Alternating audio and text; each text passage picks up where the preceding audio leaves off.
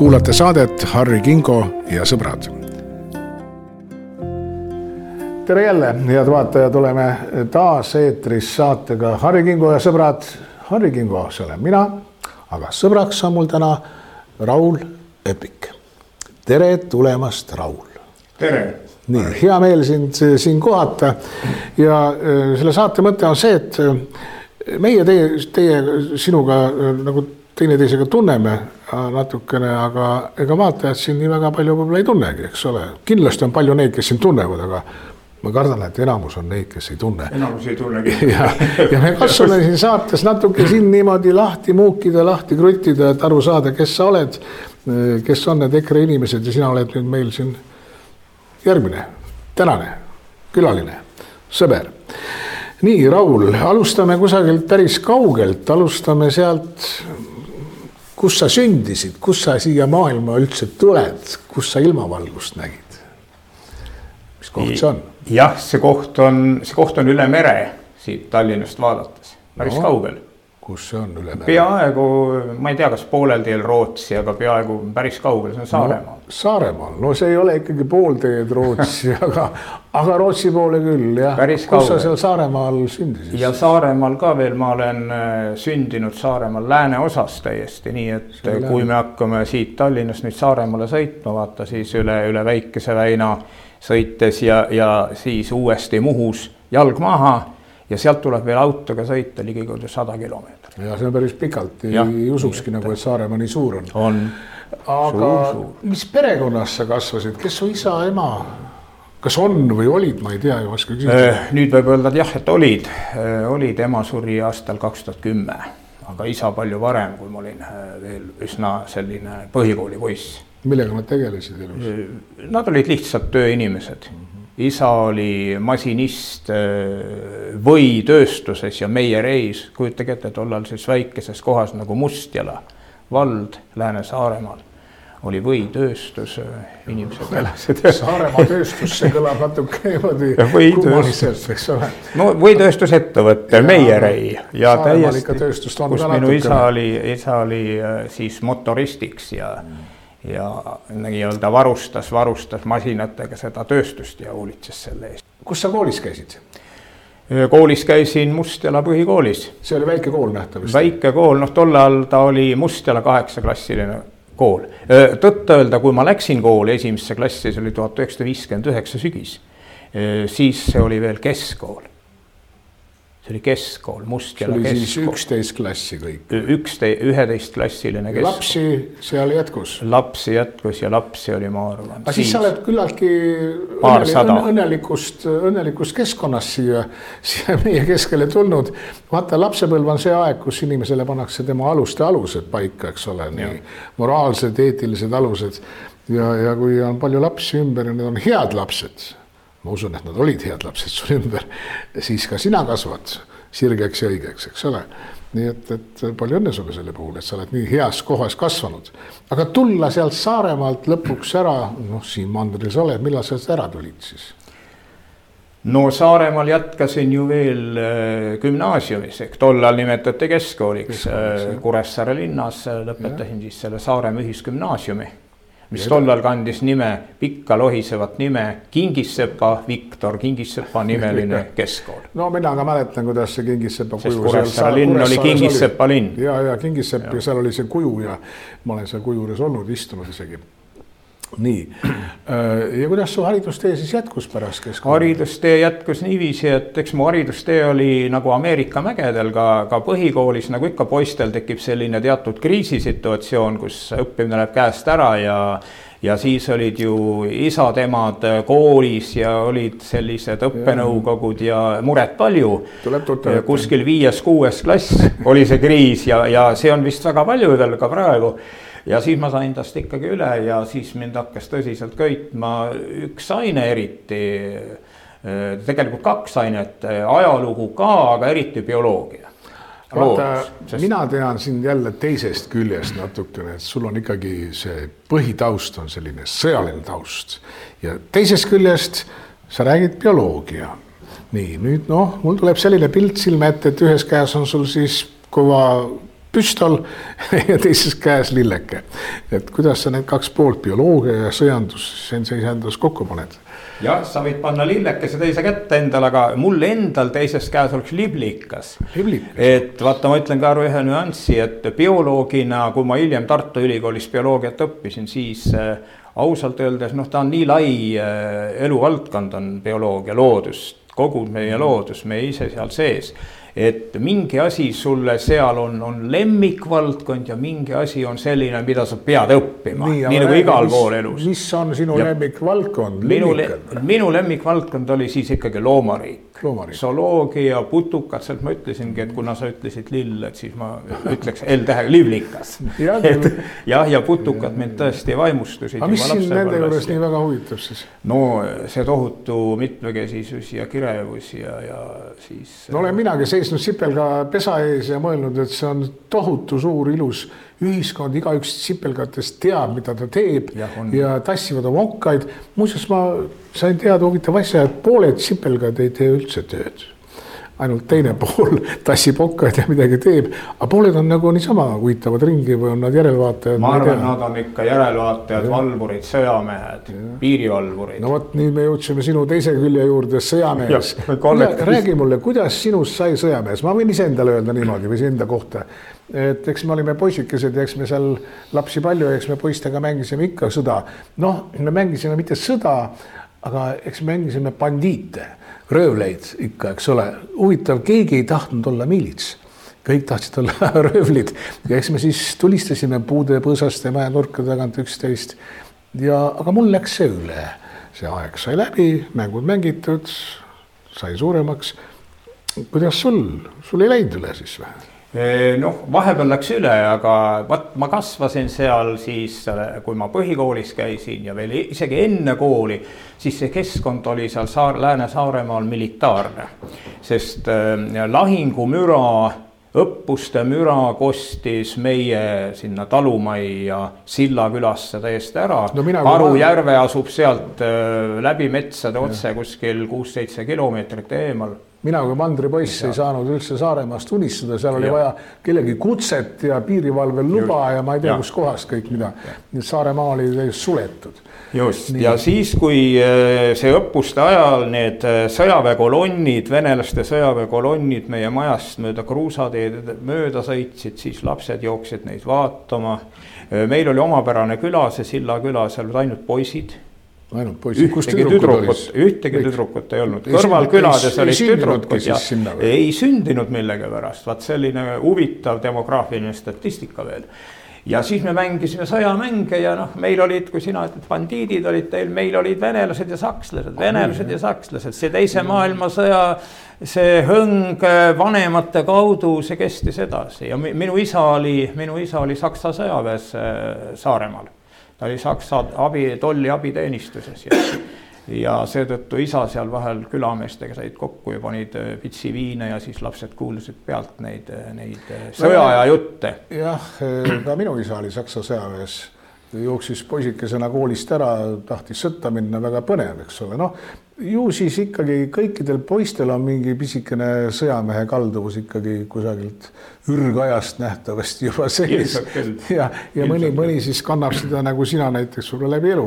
räägi, kui kõrgele, milliste suurte paguniteni siis sa oled oma elus jõudnud oma sõjamehe teele? noh, aastaks kaks tuhat kolmteist, kui ma vanusepiiri ületamise tõttu Eesti kaitseväest ära tulin, siis ma tänase päevani siis kannan auastet kolonelleitnant kolonelleitnant, vot mulle ja. see auaste väga meeldib, minu vanaisa oli Eesti ajal eh, kolonelleitnant, ta oli Naissaare komandant. Selle vägede ülem siis Naissaarel, mis kaitses Tallinnat.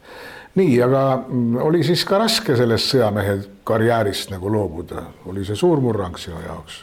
ma ei ütleks, et ta oli suur murrang, sest mul ju teine elukutse, tsiviilelukutse, milles ma ka töötasin noorpõlves päris, see bioloogia, see oli täiesti olemas ja, ja ta tänase päevani huvitab mind ja, ja praegu ka annan ka vaikselt äh, väikese koormusega koolitunde bioloogias. Uh, -huh. nii et nii et äh, see ei olnud minule mingisugune tragöödia ja, ja Kaitseliidus ma niikuinii jätkasin. on sul kodus ka mingi oma taimepeerand, peerand, peenar, kasvuhoone, kurk, tomat, kardulas. kahjuks ei ole. ei ole või on loomad mingisugused? Saaremaal, mul on Saaremaal tegelikult lapsepõlvekodu, peab ütlema tõtt, suht laokele jäänud ja elu on kogu aeg olnud siin pealinnas ja, ja vahepeal oli ta Tartus millega sa praegu tegeled, sa ütlesid, sa õpetad koolis? bioloogiat, bioloogiat, bioloogiat ja riigikaitset.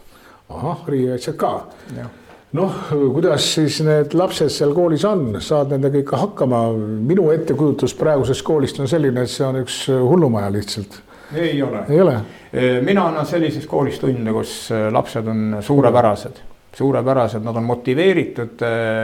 see oli Georg Otsa muusikakool inimesed on motiveeritud midagi tulevikus saavutama oma kindlal erialal ja kõikides üldainetes ei ole seal mitte mingisuguseid. nii, aga mida sa probleeme. meile seal sõjanduse tunnis õpetad? Sõjanduse... automaati, püstolit, granaati, pommi, mida? Eh, neid mitte, sellepärast et süsteem, meil on väga hea see riigikaitseõpik. ma ütleks, see on nüüd juba kuskil neli-viis aastat vana aga ta on, ta on suurepärane ja seda võiks, võiksid lugeda isegi ministeeriumide ametnikud, ma ütleks niiviisi, ta on niivõrd põhjalik ja, ja hea ja seetõttu ma ütlen, et ei ole vaja noortel inimestel meil seal väiksemas programmis seda riigikaitseõpetust andes neid granaate, püsse ja ja kõiksugust pauku tegevat kohe, kohe õpetada põhjalikult, nad õpivad seda niikuinii kui nad eh, ühinevad kas seal noorkotkastega, Kaitseliiduga või läbivad ajateenistuse. ma kuulasin sind ja nagu ma kuulsin lapsepõlvest te mängisite ikkagi sakslasi ja venelasi vist omavahel, ma ei tea. ma arvan, et sealt võis ka. sakslased sõdivad aga sealt võis ka alguse saada sinu teatud niisugune poliitiline karjäär ja see, et sa lõpuks ikkagi jõudsid EKRE-sse kuidas ja, see käis? ja eks ta sealt, minu isa oli väga Nõukogude vastane, vastase meelsusega ja kuna ta oli lihtne töömees, siis ta ka ei varjanud seda. ja see aeg, kui mina üles kasvasin, oli ju selline, kus äh, inimesed ei olnud enam nii hirmul, et noh, et nüüd kohe koputas uksele KGB ja, ja äraviimine Siberisse, et seda ei olnud maal äh, seal metsade vahel väikestes külades, seal inimesed rääkisid ikkagi, mida nad rääkida tahtsid. avameelselt. suht avameelselt jah, olid küll sosistamisi, et see on koputaja ja see on punane ja ära, ära nii pahasti ütle. aga minu isa ütles ikka, et et see, see Vene kord, et see on tõeline jama, et kuidas sellest Vene korrast lahti saaks, kui nad, kui ta seal külameestega kokku sai ja. EKRE, liikmeks hakkasid sa kasvama juba päris noorelt tegelikult, kuigi, kui veel EKRE-t ei olnudki olemas. jah, kuigi vahepeal oli mul selline pööre ka nii-öelda ajupesu korras, et laps on laps ja koolis ikkagi sunduslikus korras tehti, õpetajad tegid ju ikkagi seda pioneeri. pioneer, komsomol. komsomol, kogu see. parteisse ka astusid kommunistlikusse? Äh, ei, ei, ei., äh, viimane tipp mul on kommunistlikus karjääris, kui nii-öelda jutumärkides on pioneer pioneer, no et, seal oli aeg lõpetada, siis sul tuli mõistus pähe. minul õnnestus seal ära lõpetada, kuigi Nii. paljud minu eakaaslased läbisid ka komsomoli ja ma ei mõista neid hukka, sest see oli massiline. ja see oli ainukene niisugune legaalne organisatsioon, mille läbi sai midagi organiseerida, sõita kusagile, teha midagi. teisi võimalusi lihtsalt polnud. aga kuidas sul siis ikkagi EKRE-ga need seosed tekkisid, millal sa astusid sinna? Et äh, noh, EKRE-ga seetõttu, et äh, kui niipea, kui ma armeest äh, ära tulin Eesti kaitseväest nüüd vanusepiiri ületamisega, siis ma olin juba seal kaitseväes ju.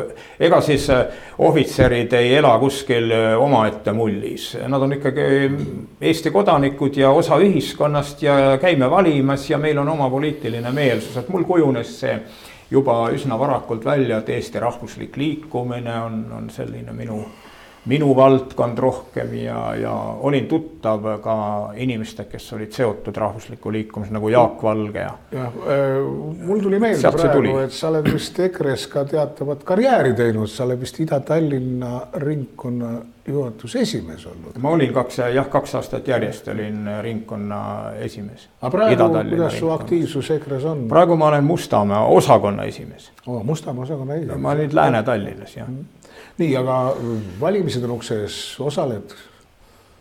Riigikogu valimistel, ei osale? olen eh, Ida-Tallinna ringkonna nimekirjas väga tore siis me oleme sinuga vist ja. ühes nimekirjas. no vaatame, teeme nii, et me sinuga võistlema ei hakka, vaid oleme sõbralikud ja soovime teineteisele siis valimistel edu, eks ole. absoluutselt. vaen ühe erakonna sees on täiesti liigne. nii, aga äh, kui sa oled juba nii natukene poliitik ja mina olen ka, milles sina näed nagu Eesti suurimat probleemi praegu? kui sa nii püüaksid kõik selle nii kokku võtta, kus see probleem on, mis suurim probleem? ma võin sulle ette öelda oma arvamuse. mina arvan, et meie suurim probleem on tegelikult ikkagi rohepööre. vot sealt tulevad kõik need hinnatõusud ja meie majanduse suunit-, suund mujale, sealt tulevad ka firmade ja väikefirmade pankrotid, sest energia on kallis sealt tulevad ka see, et me maksame elektri eest nagu hullumeelsed, eks ole, oma raha ära. mina näen seda sellena, millena sina näed? ega mina palju erinevalt ei näe, mina näen äh, sellena, et näiteks kui ma sõidangi sinna oma lapsepõlvemaale Saaremaale ja, ja, ja suviti ma olen seal pikalt. Äh, mul on Mustjalas äh, korter, siis ma näen seda võrreldes selle ajaga, kui ma olin noor ja nagu me siin algul rääkisime, kui palju koolis oli lapsi. nüüd äh, viimased kümme aastat on ju kogu aeg need väikesed maakoolid seal väljasuremise piiril, et millal suletakse järgmine, millal suletakse teine, kolmas. ma kuulsin mingit uudist, et järgmine Eesti jääb tühjaks. ja iive pidi olema kõige madalam läbi aegade lihtsalt, inimesed enam ei, ei sünni. just, maapiirkonnad jäävad tühjaks. nüüd Äh, kaitseliitlasena ja, ja, ja eruohvitserina ma näen probleemi, kes seda maad kaitseb. kui, kui me oleme õppustel Saaremaal, siis ma näen võitlejad Viljandist, võitlejad Pärnust, võitlejad Tallinnast on kõik sõjas, no mängult sõjas. ja mina ütlen nii, kukla taga on, on selline ärevus. tui, tui üle vasaku õla, kui tuleb päris sõda siis need võitlejad Viljandist on seal, võitlejad Tallinnast on seal. kes kaitseb Saaremaad? Saaremaa pikk rannajoon, ma ütlesin Orissaarest sinna minu äh, lapsepõlve no, kodukohta tuleb sada kilomeetrit. jah, sealt tuleb väga ja. palju, see on otsetee läbi Saaremaa, aga kui sa hakkad rannajoont vaatama, siis Just. see tuleb kümme korda pikem. ühesõnaga, suur probleem on see, et Eesti rahvas on maalt ära läinud ja see põline maasool sureb välja. see on üks tegur, mis mind ajab EKRE-sse, EKRE-t toetama. Aga mis oleks EKRE kõige põhilisem samm või suund või mõte või tegu, mis meid natuke aitaks? no ma ise ütlen jälle endale ette, et, et eks siis tuleb see rohepööre nagu ära lõpetada ega muud varianti ei ole, sest me minu meelest me paneme sellega tupikusse täiesti. või vähemalt või äärmisel juhul, kui me ei saa, siis vähemalt sellega mitte tormata enne mitte vanu sildu ära põletada, kui uued süsteemid töötavad. no ja ma mäletan, Kaja Kallas tuli, rääkis, et äh, paneme need põlevkivi asjad kõik seal Ida-Virumaal kinni. Ja siis küsiti tema käest, et no aga kus me siis selle energia võtame? Ah küll mõeldakse välja mingid elektrisalvestuse asjad ja ma ei tea, küll siis ajapikku kümne-viieteistkümne aastaga siis leitakse mingid tehnoloogilised lahendused. No neid ei ole, neid lahendusi ei leita, me ei saa oma tulevikku ehitada mingite unistuste peale lihtsalt, paljaste unistuste, millel pole katet, teaduslikku katet ega praktilist katet. käesoleva aasta suvel sõpradega külastasime Ida-Virumaad, Narvat, eh, Sillamäed ja seal mm, eh, siis Sinimägedes, kus on vaatetorn mm, -hmm. uus ilus, ronisime sinna vaatetorni, kus paistab Venemaa ära. paistavad meie jõujaamad, soojusjaamad. ja siis vaatasime, Vene poolel kõik korstnad tossutavad, mustad võimsad sutsujoad viivad süsinikku, seda hirmsat süsinikku õhku. ja meie poolel üksainus korsten lasi sinist suitsu. tore, et temagi veel töötab, et ja, ja. ja üks õhuruum ja mul on, tuleb meelde üks number, ma ei tea, kui täpne see number on, aga Eesti saastejälg maailmas olevat null koma null kuus protsenti. See on ikka tõesti väga väike kui me vaatame, kusagil on Hiina oma metsikute põlevkivi või, või söekaevandustega, kusagil on India ja on terved kontinendid, kus mingist rohepöördest keegi ei tea üldse mitte midagi. meie siin võitleme selle eest. ja meie mulle võime meenub... naba paigast ära rebestada, aga me ei saa ju Hiinat mõjutada. mulle meenub see pilt kusagilt ajalehest vist, kuidas meie kallis president Kersti Kaljulaid käis mööda Kadriorgu, korjas konisid sealt ükshaaval üles ja puhastas sel kombel siis meie planeeti. noh, kena, aga minu meelest mõttetu reklaam lihtsalt.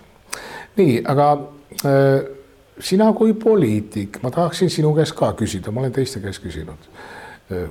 kuidas sina arvad, kas poliitik võib valetada või ei tohi üldse? ise oled sa sõjamees kas sa saad reeta sõjasaladust või ei saa? ei.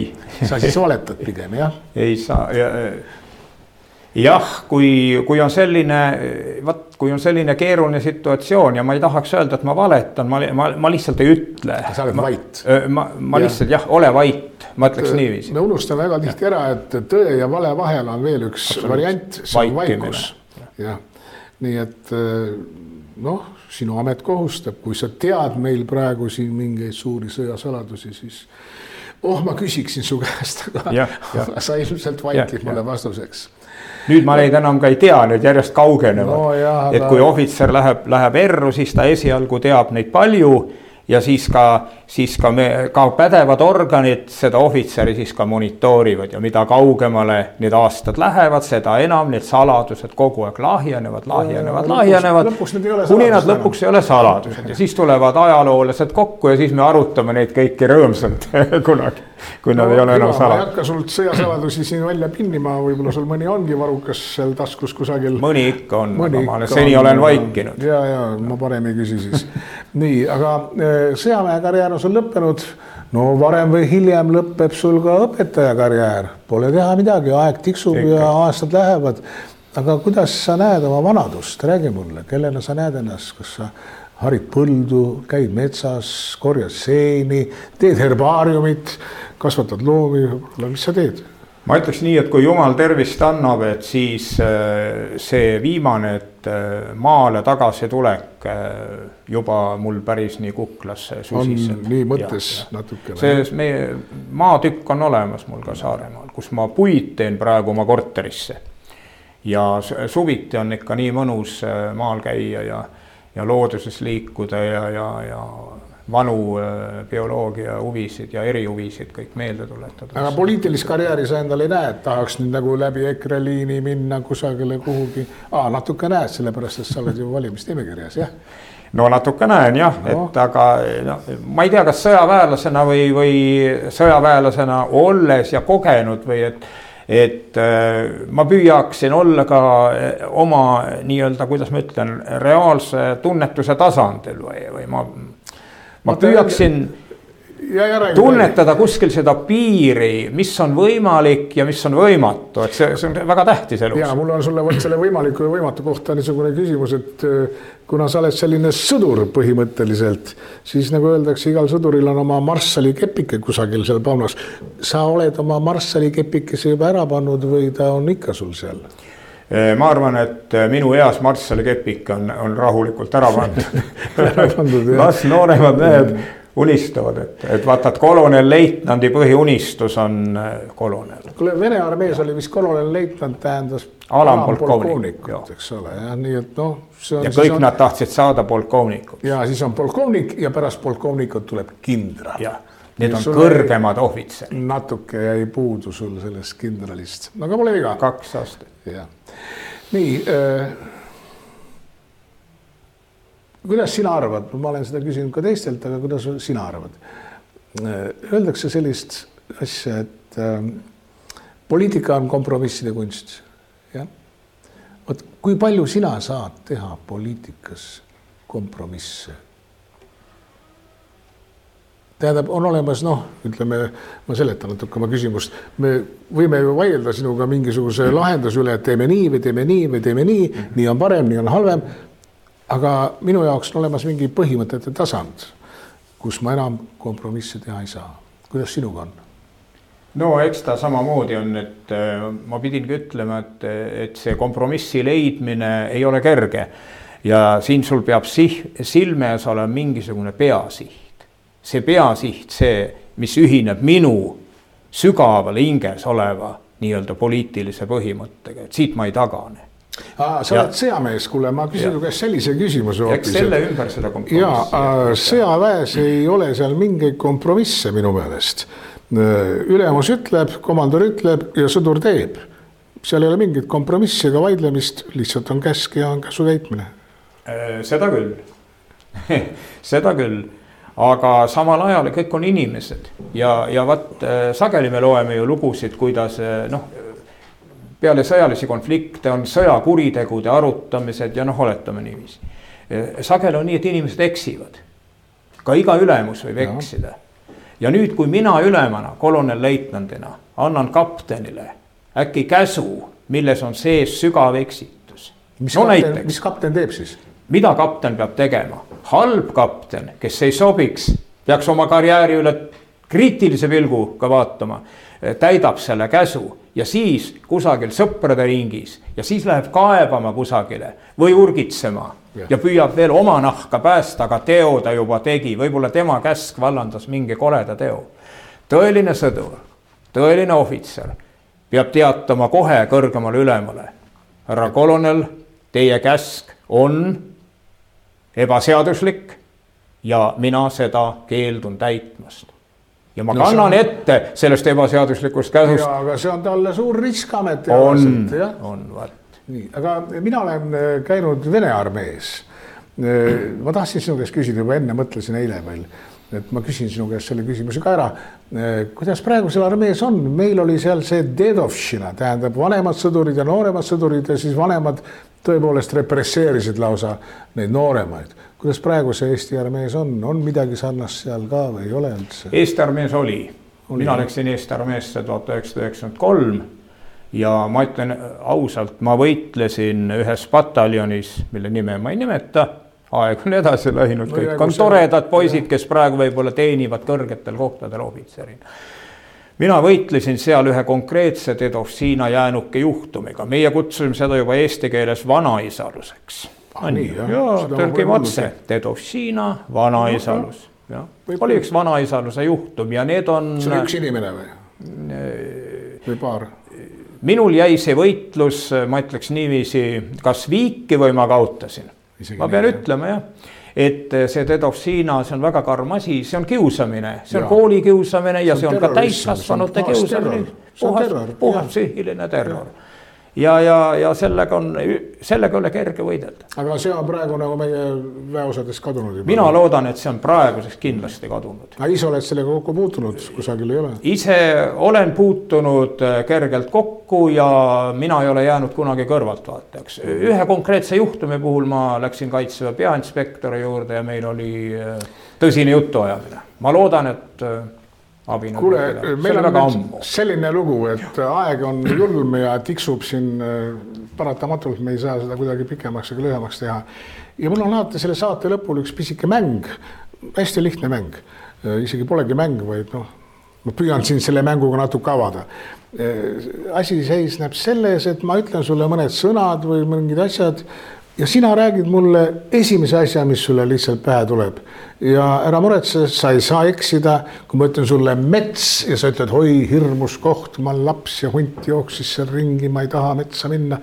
siis lihtsalt nii on, keegi ei saa öelda, et oi, see oli vale, nüüd ta eksis. ei, sa ei eksinud, nii oli mängime sellist natukene sõnadega selleks, et sinu sisse natuke piiluda. no ma proovin, kuigi ma mängumees ei ole, kaarte ma ei oska mängida ei, no. ja, ja hasartmängudes puudub mul igasugune arusaam. siin ei ole mingeid kaarte, panuseid ega hasarti, siin on lihtsalt oled. aga sina, ma olen nõus proovima. ja ole, oled sina ja olen mina ja on üks mingi sõna, millest, millest me räägime. räägi mulle sellisest asjast nagu vabadus mis see sinu jaoks on, oskad sa selle kuidagi lahti rääkida või midagi? mul tuli esimese kohe üks naljakas no, selle samme sõnaga kohe meelde, see oli Tartu Ülikooli, ülikoolini välja, juba gümnaasiumist, aga Tartu Ülikoolini välja. vabadus on tunnetatud paratamatus. ja, ja seda me oleme heietanud, et kas ta siis on tunnetatud paratamatus või ta ei ole? Kuule, ma ei oska tänase päevani sellele vastata no,, kas vabadus on tunnetatud paratamatus? me peame küsima, mis on siis see, mis, mis meie on elus on paratamatu, paratamatus, mis ja, see on? ma arvan, et paratamatus meie elus ei ole mitte kurjus, vaid headus.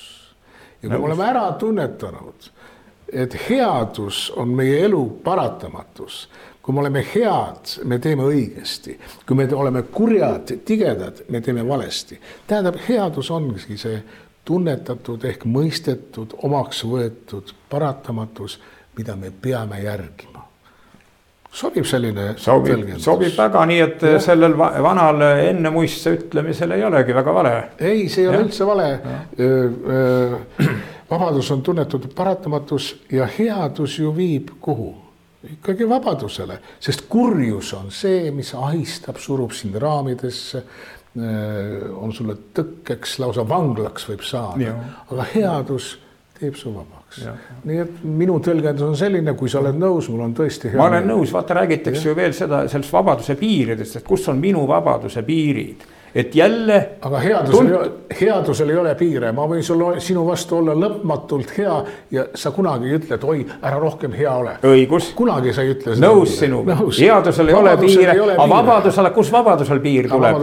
vaata öeldakse, et vabaduse piir, minu vabaduse piir on seal no,, kui ma ronin teise inimese vabaduse. kapsamaale kusagile. kapsamaale, võtan sealt ära. minu meelest see on vale loogika, kui me mõtleme, see sinu vabadus ja minu vabadus ja need vabadused siis nagu vastanduvad ma arvan, et see on vale loogika, kui me mõistame vabadust teisiti. ma ei ole vilos, ma ei oska vilos. vabadust headusena, kuule, kuidas sa minu headusele vastandud ja, või mina ja. sinu headusele, ei, kõik klapib ei ole siis... mingit vabadusega vabaduse piire ega mitte midagi sellist. no näed jah, siis ja, ei, siis ei saa ronida teise vabaduse kapsamaale, kui me mõtleme mõlemal headus. kui see on headus, siis ma ronin hea meelega sinu kapsamaale ja pakun sulle midagi head, teen sulle midagi head, sa teed mulle kõik korras, mis piirid, piiritu. nii, tore, võtame teise sõna, vaatame, mis sellest välja kasvab meie jutus. raha, mis raha on sinu jaoks? oot kusagilt, äh, mina mäletan, läksin ühe inimesega kaklema, ütlesin, raha on saatanast. noh. on see nii või? küsid minu käest. esimene ja siis teine asi, mis mul kohe vot selle terminiga meelde tuleb, tuleb üks ajalehe artikkel kus oli juttu pilvelõhkujatest, Tallinna ehitatakse järjekordne kõrghoone mm. -hmm. aga ta ei tohi olla kõrgem Oleviste kirikust. siis ma ka mõtlesin, väga õige, see on mulle hingelähedane, et ta ei ole kõrgem kui Oleviste kirik. no ja, ja las kirik olla kõrgem. ja, ja artikkel oli, kas Mammona pühakojad tõusevad kõrgemale taevase jumala kodadest, ei tohiks, oli kellegi artikkel, vot et, et mm, ma, ma jälle tundsin, et see sümpatiseerib mulle, aga ilma rahata pole keegi kunagi läbi saanud. jah, ma jagan oma arvamust, ma arvan, et raha ei saa olla eesmärk. raha on vahend ja. teel eesmärgile. eesmärk peab ja. olema midagi suuremat, paremat, seda ei saa rahas võib-olla mõõta. võib-olla eesmärk on armastus, seesama headus, millest me rääkisime ehk vabadus siis ja. või midagi sellist. aga raha on vahend ja me ei saa raha ära põletada mitte ära põletada, vaid ära visata, kõrvale jätta. ah, raha ei maksa midagi, raha pole vaja on küll vaja, ilma rahata ei tee siin tänapäeval mitte ja. midagi. nõus, aga ma tean, kui ma ütlen see, mulle tuleb meelde see fraas, mida ma juba kordasin, et raha on saatanast, ega, ega ei ole, kui ei ma ole. headuse nimel, kui kulutan raha, kulutan raha, siis see on ju headus. jah, vaata eesmärk ühitseb abinõu ja kui eesmärk on hea, isegi võib-olla püha siis see abinõu on ka hea, võib-olla isegi püha, sest ta on ju sellele pühadusele suunatud. vot kui tore jutt meil tuleb sinuga välja, aga äh, küsin veel ühe sõna sinu käest, see on ka niisugune raske sõna. surm, mis on surm sinu jaoks? sinu enda surm? jah, et. Äh, sõjamees sa oled, sa pead ju teadma, et sa käid kuulide vahel, eks ole ja sa pead olema mõelnud no, selle peale. no vande andnud, vande andnud, ainukene Eesti kaitses vanne on ja kui vaja, anda kõige kallim, mis mul on, elu, elu.. no mida sa oled mõelnud oma surmas siis? mis on surm? surm on ei miski aa, sinu jaoks on ei miski, jumalat, kas jumalat sinu jaoks üldse ei ole olemas? kindlasti on, on., kindlasti on lapsepõlvest kusagilt. aga siis võib-olla surm ei ole ei miski.